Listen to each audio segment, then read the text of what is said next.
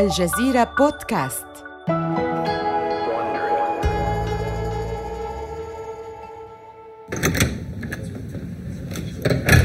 توجه جون أنتياكو الرئيس التنفيذي والمدير العام لشركة بلوك باستر إلى غرفة الاجتماعات المطلة على جزيرة مانهاتن في مبنى جنرال موتورز بينما يأخذ أعضاء مجلس الإدارة أماكنهم. يشعر أنتياكو بالرضا عن نفسه. إنه على وشك أن يعلم أعضاء مجلس الإدارة أن خصمهم نتفليكس ورئيسها ريد هيستينغز في موقف ضعيف الآن.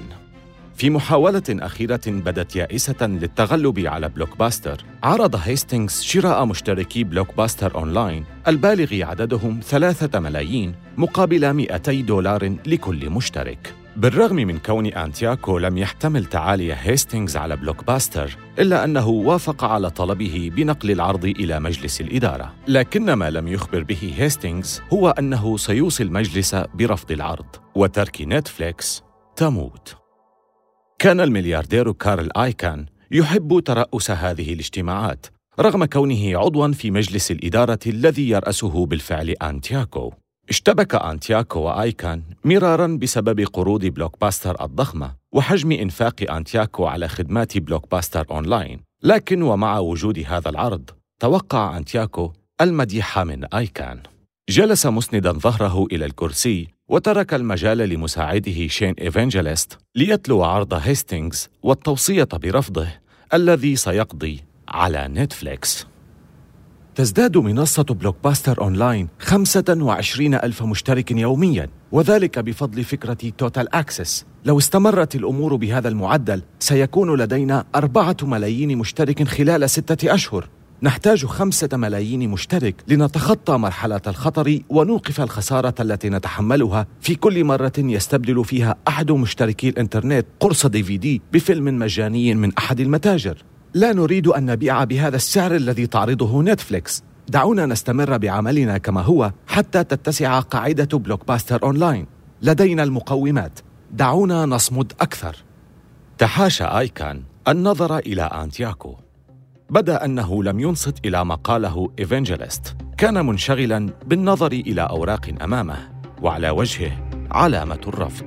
لحظات السعادة التي يشعر بها أنتياكو ستنتهي بعد قليل.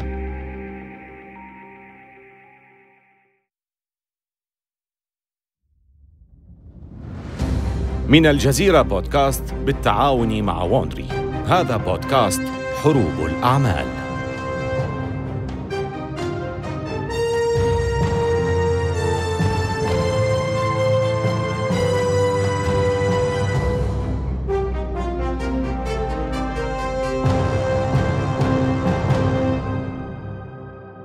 قطع أنتياكو شوطا طويلا ليصل إلى هذه اللحظة التي يقف فيها الآن أمام المجلس وقد تمكن من حصار نتفليكس. كان الطريق مليئا بالغطرسة والأساليب الملتوية من كلا الطرفين. كانت حربا باهظة الكلفة. بدأتها بلوك باستر منذ ثلاثة أعوام في الخامس عشر من يوليو عام 2004 حين عقدت نتفليكس مؤتمرا هاتفيا مع المستثمرين ومحللي وول ستريت حول أرباحها الربع سنوية.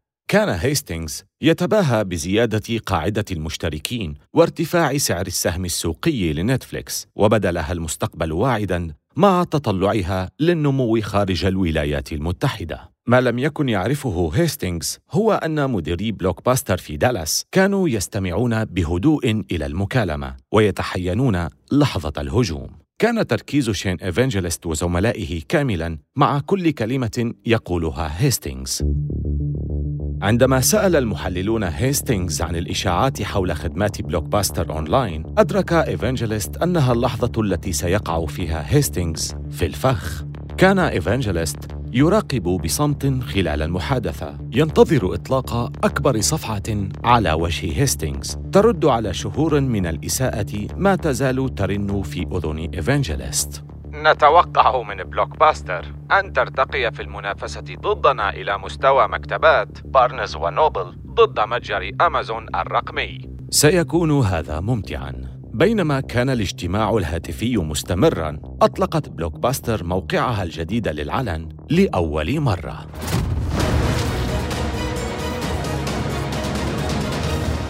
تطلق بلوك باستر لتوها موقعاً إلكترونياً للأفلام والأقراص المدمجة.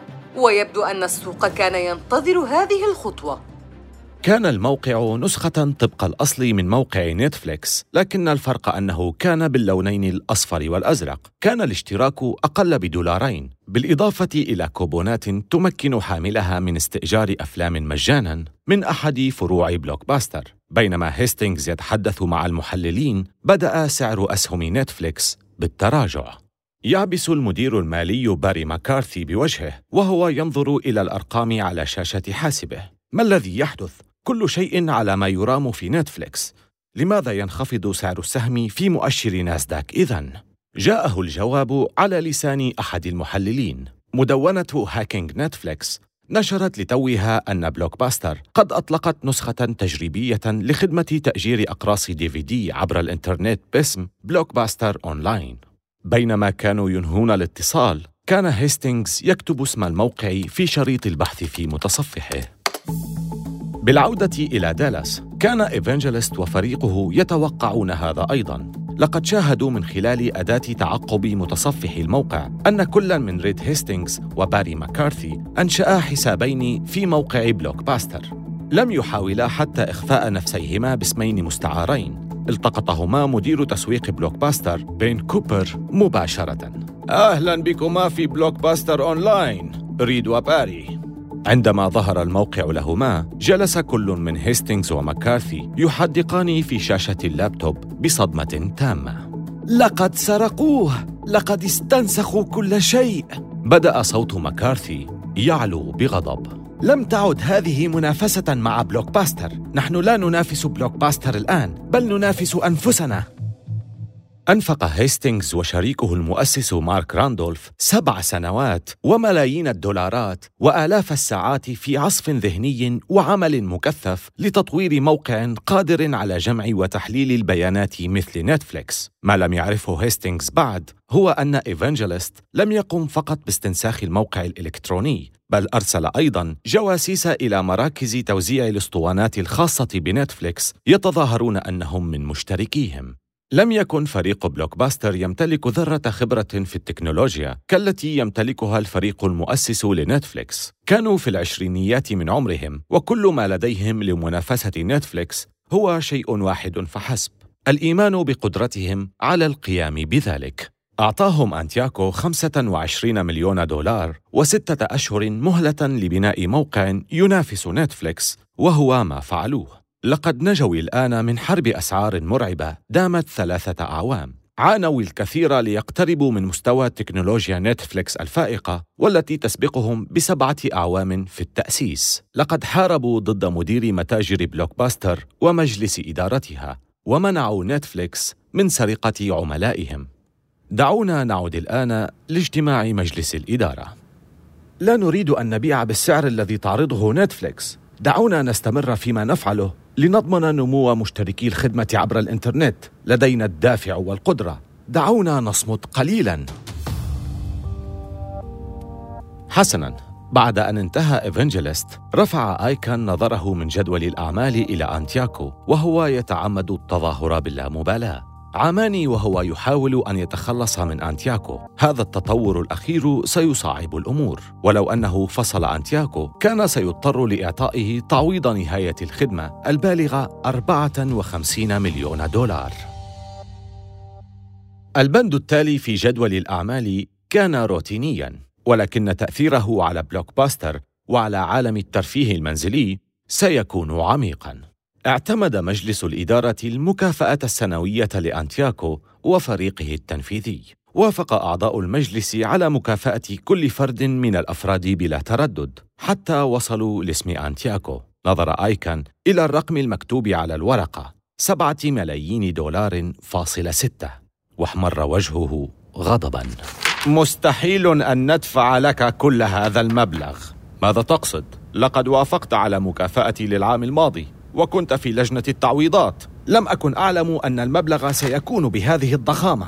إذا كان يجب أن تقوم بحساباتك. كيف سيبدو الأمر أمام المستثمرين؟ فقد السهم ما يقارب نصف قيمته خلال ثلاثة أعوام. وبالكاد حققت ربحا ضئيلا في العام الماضي. وترى أنك تستحق تعويضا بهذا الحجم؟ حققت كل الأهداف التي طلبتها. طلب مجلس الإدارة من أنتياكو أن يتركهم ليناقشوا مسألة المكافأة السنوية.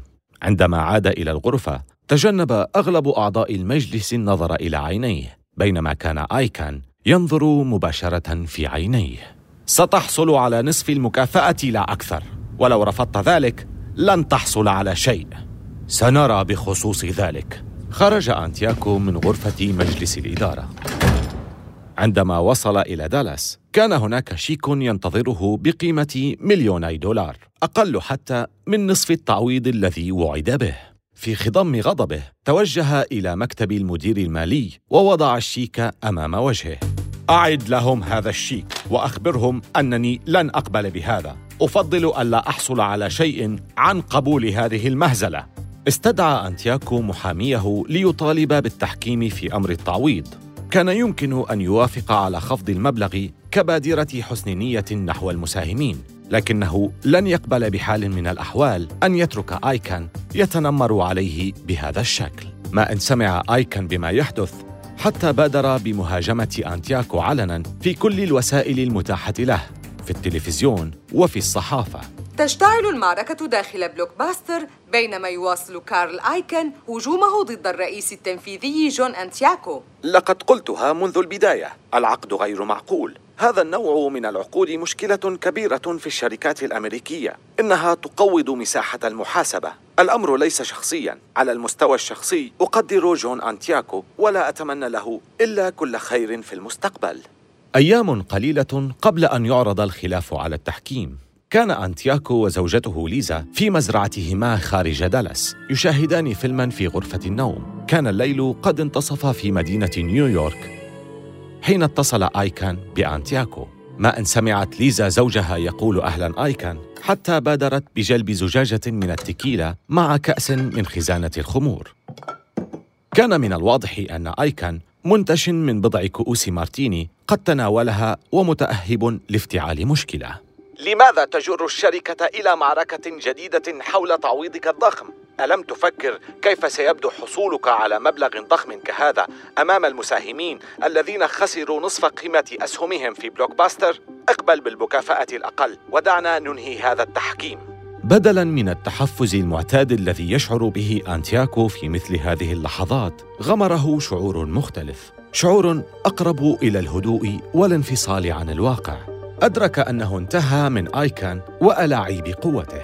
كان أنتياكو قد أنجز ما كان قد خطط لفعله مع بلوك باستر والآن يريد الخروج من المشهد. سأخبرك شيئا يا كارل. دعنا نناقش إجراءات خروجي من الشركة.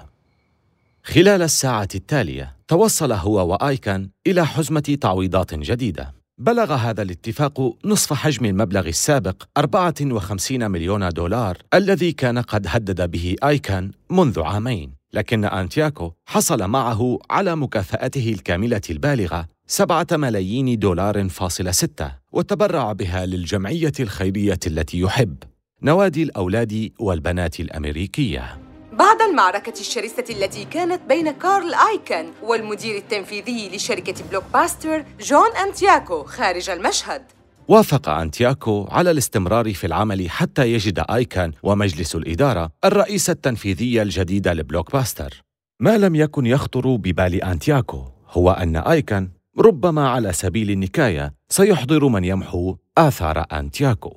في يوليو من عام 2007 أعلن آيكان بفخر الرئيس التنفيذي الجديد لبلوك باستر وهو جيم كيز. لقد عمل هو وأنتياكو معا في وقت سابق في شركة ساوثلاند وهي الشركة الأم لسلسلة متاجر 7-Eleven يكره كيز أنتياكو. كيز رجل سمين في الخمسينيات من عمره أحمر البشرة فظ خشن التعامل. كان من المتوقع أن يواصل كيز استراتيجية أنتياكو للفوز لكنه كان مصمما على محو كل آثار منافسه السابق. أراد كيز وقف نزيف رأس المال. اقتراح معقول لولا التخفيضات التي أراد إجراءها. بعد فترة وجيزة من انتقاله إلى مكتبه الأنيق في مبنى رينيزانس تاور في دالاس استدعى كيز إيفانجيليست من بلوك باستر أونلاين. استمع جيم كيز إلى ما قاله إيفانجيليست عن أعمال بلوك باستر عبر الإنترنت. هناك ثلاثة أشياء يتعين القيام بها. أولاً علينا أن نشتري موقع موفي لينك لننافس به خدمة البث الجديدة من نتفليكس. ثانياً لدي خطة لخفض تكاليف التشغيل بقيمة 12 مليون دولار. وثالثا لدينا حملة تسويقية جديدة ل Total Access. انتظر إيفانجيليست ثم فجر كيز قنبلة. العمل عبر الإنترنت يدمر بلوك باستر لقد أنفقت 450 مليون دولار على تسويق Total Access متجاوزا الميزانية بكثير. سألغي ميزانية التسويق الخاصة بك حتى نتمكن من التركيز على المتاجر. صدم إيفانجيليست اقترح كيز فعليا القضاء على القسم الرقمي في الشركة. الشيء الوحيد الذي كانت تفعله بلوك باستر بشكل جيد. متحديا المنطق أراد كيز العودة إلى أيام متاجر تأجير الفيديو. المدير التنفيذي السابق ل 7-Eleven كان يقترح التراجع عن كل ما جعل بلوك باستر في المقدمة. في الأشهر الأخيرة من عمله كرئيس تنفيذي حث أنتياكو إيفانجيليست على العمل بجدية أكبر لتنمية Total Access لقد احتاجوا خمسة ملايين مشترك لإيقاف الخسائر وتحقيق التعادل وكانوا في طريقهم لتحقيق ذلك. قطع تمويل التسويق ومبادلات الأسطوانات في المتاجر سيوقفان النمو. حاول إيفانجيليست التفكير بالمنطق مع كيز. لديك أصول بقيمة مليار دولار يا جيم. إذا كنت لا تريد تشغيلها بعها من قد يقدم على هذه الخطوة الخاسرة؟ حسنا. ماذا عن الرجل في لوس غاتوس كاليفورنيا؟ الذي عرض علينا قبل ستة أشهر 200 دولار لكل مشترك. اذهب وتكلم مع ريد هيستينغز في نتفليكس. إنه يخسر مشتركيه لصالحنا. ربما سيمنحك 300 دولار لكل مشترك. أنهى كيز نقاشه مع إيفانجيليست ورفض الاستماع إلى أي حديث آخر حول بيع Blockbuster Online. بعد معركة حامية بلوك باستر التي كانت في المقدمة الآن تحت رحمة نتفليكس. بحلول نهاية العام فقد قسم إيفانجيليست ما يقرب من نصف المشتركين ثم استقال هو ومعظم فريقه وبدأت نتفليكس تنمو مرة أخرى. بسعيه لإنهاء النزيف في التسويق نجح كيز في تضميد خدش سطحي لكنه سيتحول في النهاية إلى جرح قاتل. بعد بضعة أشهر في حفل عشاء في سان فرانسيسكو أقامه أعضاء مجلس إدارة شركته الجديدة US Auto Parts Network رأى إيفانجيليست وجها مألوفا يجلس على الطاولة. ريد هيستينغز لم يلتقيا قبل قط لكنهما يعرفان بعضهما جيدا. بعد لحظة ارتباك افتتح هيستينغز الحديث. لقد جعلتنا نخسر كما تعلم. كان من الممكن أن ندفع أكثر لأجل هؤلاء المشتركين. أعرف. هز إيفانجيليست رأسه بحزن. كان لديك عرض مميز. برأيك كم نحتاج من الوقت قبل أن يطيح كيز ببلوك باستر؟ فكر إيفانجيليست للحظات. ربما عامين. في الحقيقة استغرق الأمر ثلاث سنوات بعد ذلك اللقاء. تقدمت شركة بلوك باستر بطلب إشهار إفلاسها في الثالث والعشرين من سبتمبر عام 2010 بعد حربه مع بلوك باستر تعلم هيستينغز أن يكون أكثر حذراً عند الحديث عن المنافسة. في المرة القادمة سيستبدل التصريح بالحيلة والآن إنه على وشك اختبار عهده الذي قطعه على نفسه. لقد تعلم هيستينغز ألا يسيء الكلام عن خصومه. خصومه الآن ريد بوكس وشركات تقديم الخدمات التلفزيونية عبر الكابلات. عندما أتيحت له الفرصة للذهاب إلى قناة CNBC لإجراء مقابلة تلفزيونية قلل من أهمية دور نتفليكس في المجتمع الرقمي الجديد وأسهب في الحديث عن أهمية شركات الكابلات وضرورة الحفاظ على قوتها كما لو كان يعني ذلك. في النهاية الخدمات المقدمة عبر الإنترنت مثل خدماتنا هي مجرد قطرات في محيط واسع. نحن نكمل دور شركات الخدمات التلفزيونية. في المستقبل غير البعيد سنصبح أكبر العملاء للاستديوهات وشبكات التلفزيون وهكذا يفوز الجميع. لقد عرفت ما ينوي هيستينغز فعله. أليس كذلك؟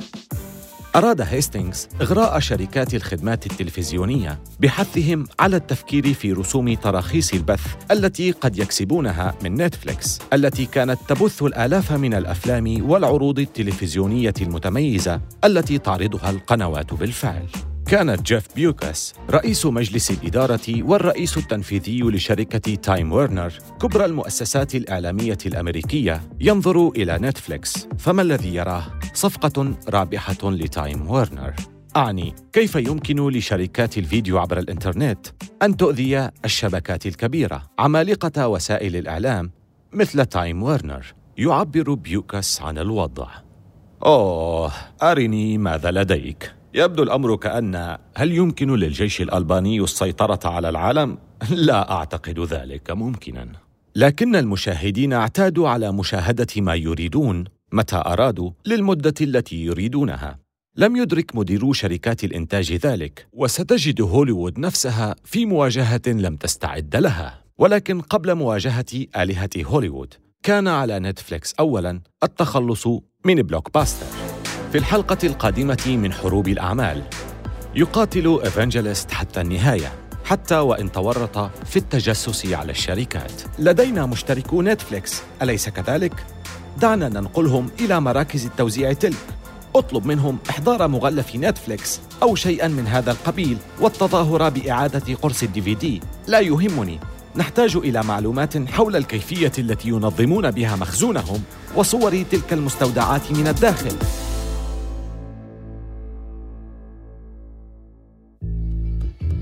آمل أن تكونوا قد استمتعتم بهذه الحلقة من حروب الأعمال. استمعوا إلى حلقاتنا عبر أبل بودكاست وجوجل بودكاست وشاركوها مع أصدقائكم. ولا تنسوا زيارة موقعينا على الإنترنت podcast.aljazeera.net و wandry.com وملاحظة سريعة حول المحادثات التي سردناها. لا يمكننا أن نعرف بالضبط ما قيل ولكن هذا الحوار مبني على أفضل الأبحاث التي قمنا بها. هذه السلسلة من حروب الأعمال قدمها في نسخة اللغة الإنجليزية ديفيد براون وكتبت هذه القصة جينا كيتينغ مؤلفة كتاب نتفليكس. مسؤولة المنتجين والمحررين هي كارين لوي والهندسة الصوتية مع جيف شميت وشركة باي اريا ساوند والمنتج المنفذ هو بين إدر. أخرج السلسلة هيرنان لوبيز لصالح شبكة وونري